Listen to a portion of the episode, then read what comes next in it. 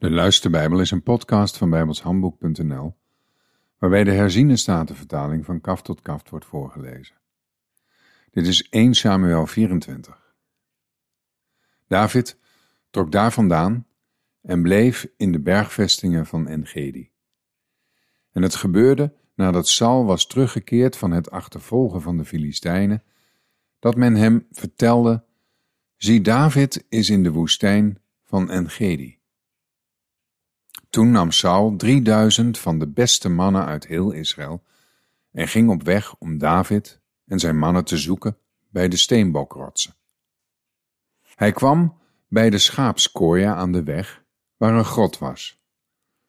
Saul ging daarin om zijn behoefte te doen. Nu zaten David en zijn mannen aan de zijkanten in de grot.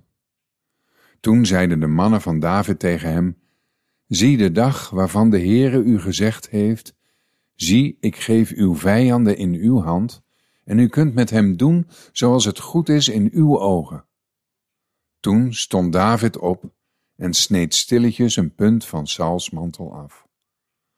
En het gebeurde daarna dat het hart van David in hem bonste, omdat hij die punt van de mantel van Saul afgesneden had.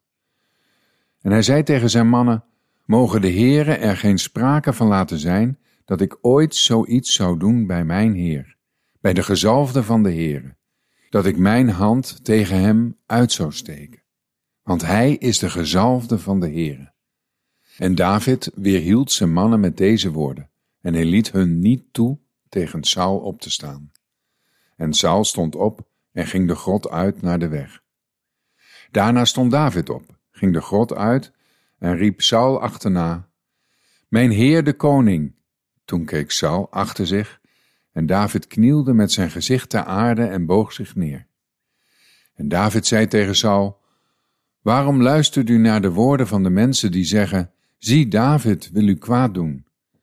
Zie, deze dag hebben uw ogen gezien dat de Heere u vandaag in mijn hand gegeven heeft in de grot. Men zei dat ik u doden moest, maar ik heb u gespaard. Want ik zei, ik zal mijn hand niet uitsteken tegen mijn Heer. Hij is immers de gezalfde van de Heere. Zie toch, mijn vader, ja zie, een punt van uw mantel in mijn hand. Toen ik namelijk die punt van uw mantel afsneed, heb ik u niet gedood. Erken en zie dat er in mijn hand geen kwaad of overtreding is, en dat ik tegen u niet gezondigd heb. Toch jaagt u op mijn leven om dat weg te nemen. De Heere zal recht spreken tussen mij en u. De Heere zal zich vanwege mij op u wreken.